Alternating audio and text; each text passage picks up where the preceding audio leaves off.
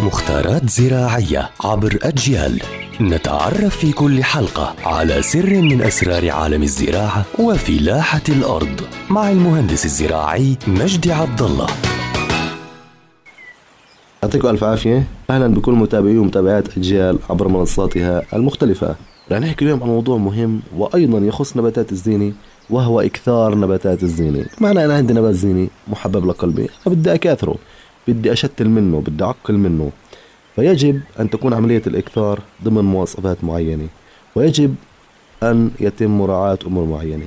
أولا أن تكون العقلة مناسبة من حيث الطول والقوة وخلوها من الأمراض.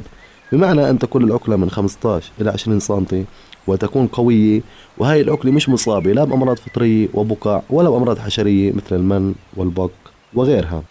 وأن يكون الإكثار في موسم التعقيل كل حسب صنفه.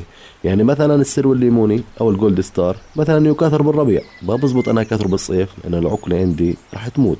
أنا أهتم بمواصفات العقلة طول العقلة قوة العقلة وخلو العقلة من الأمراض وأيضا أن تكون عملية الإكثار في موسم التعقيل هذا هو موضوعنا اليوم. إن شاء الله يا رب نكون أفدناكم ويعطيكم ألف عافية.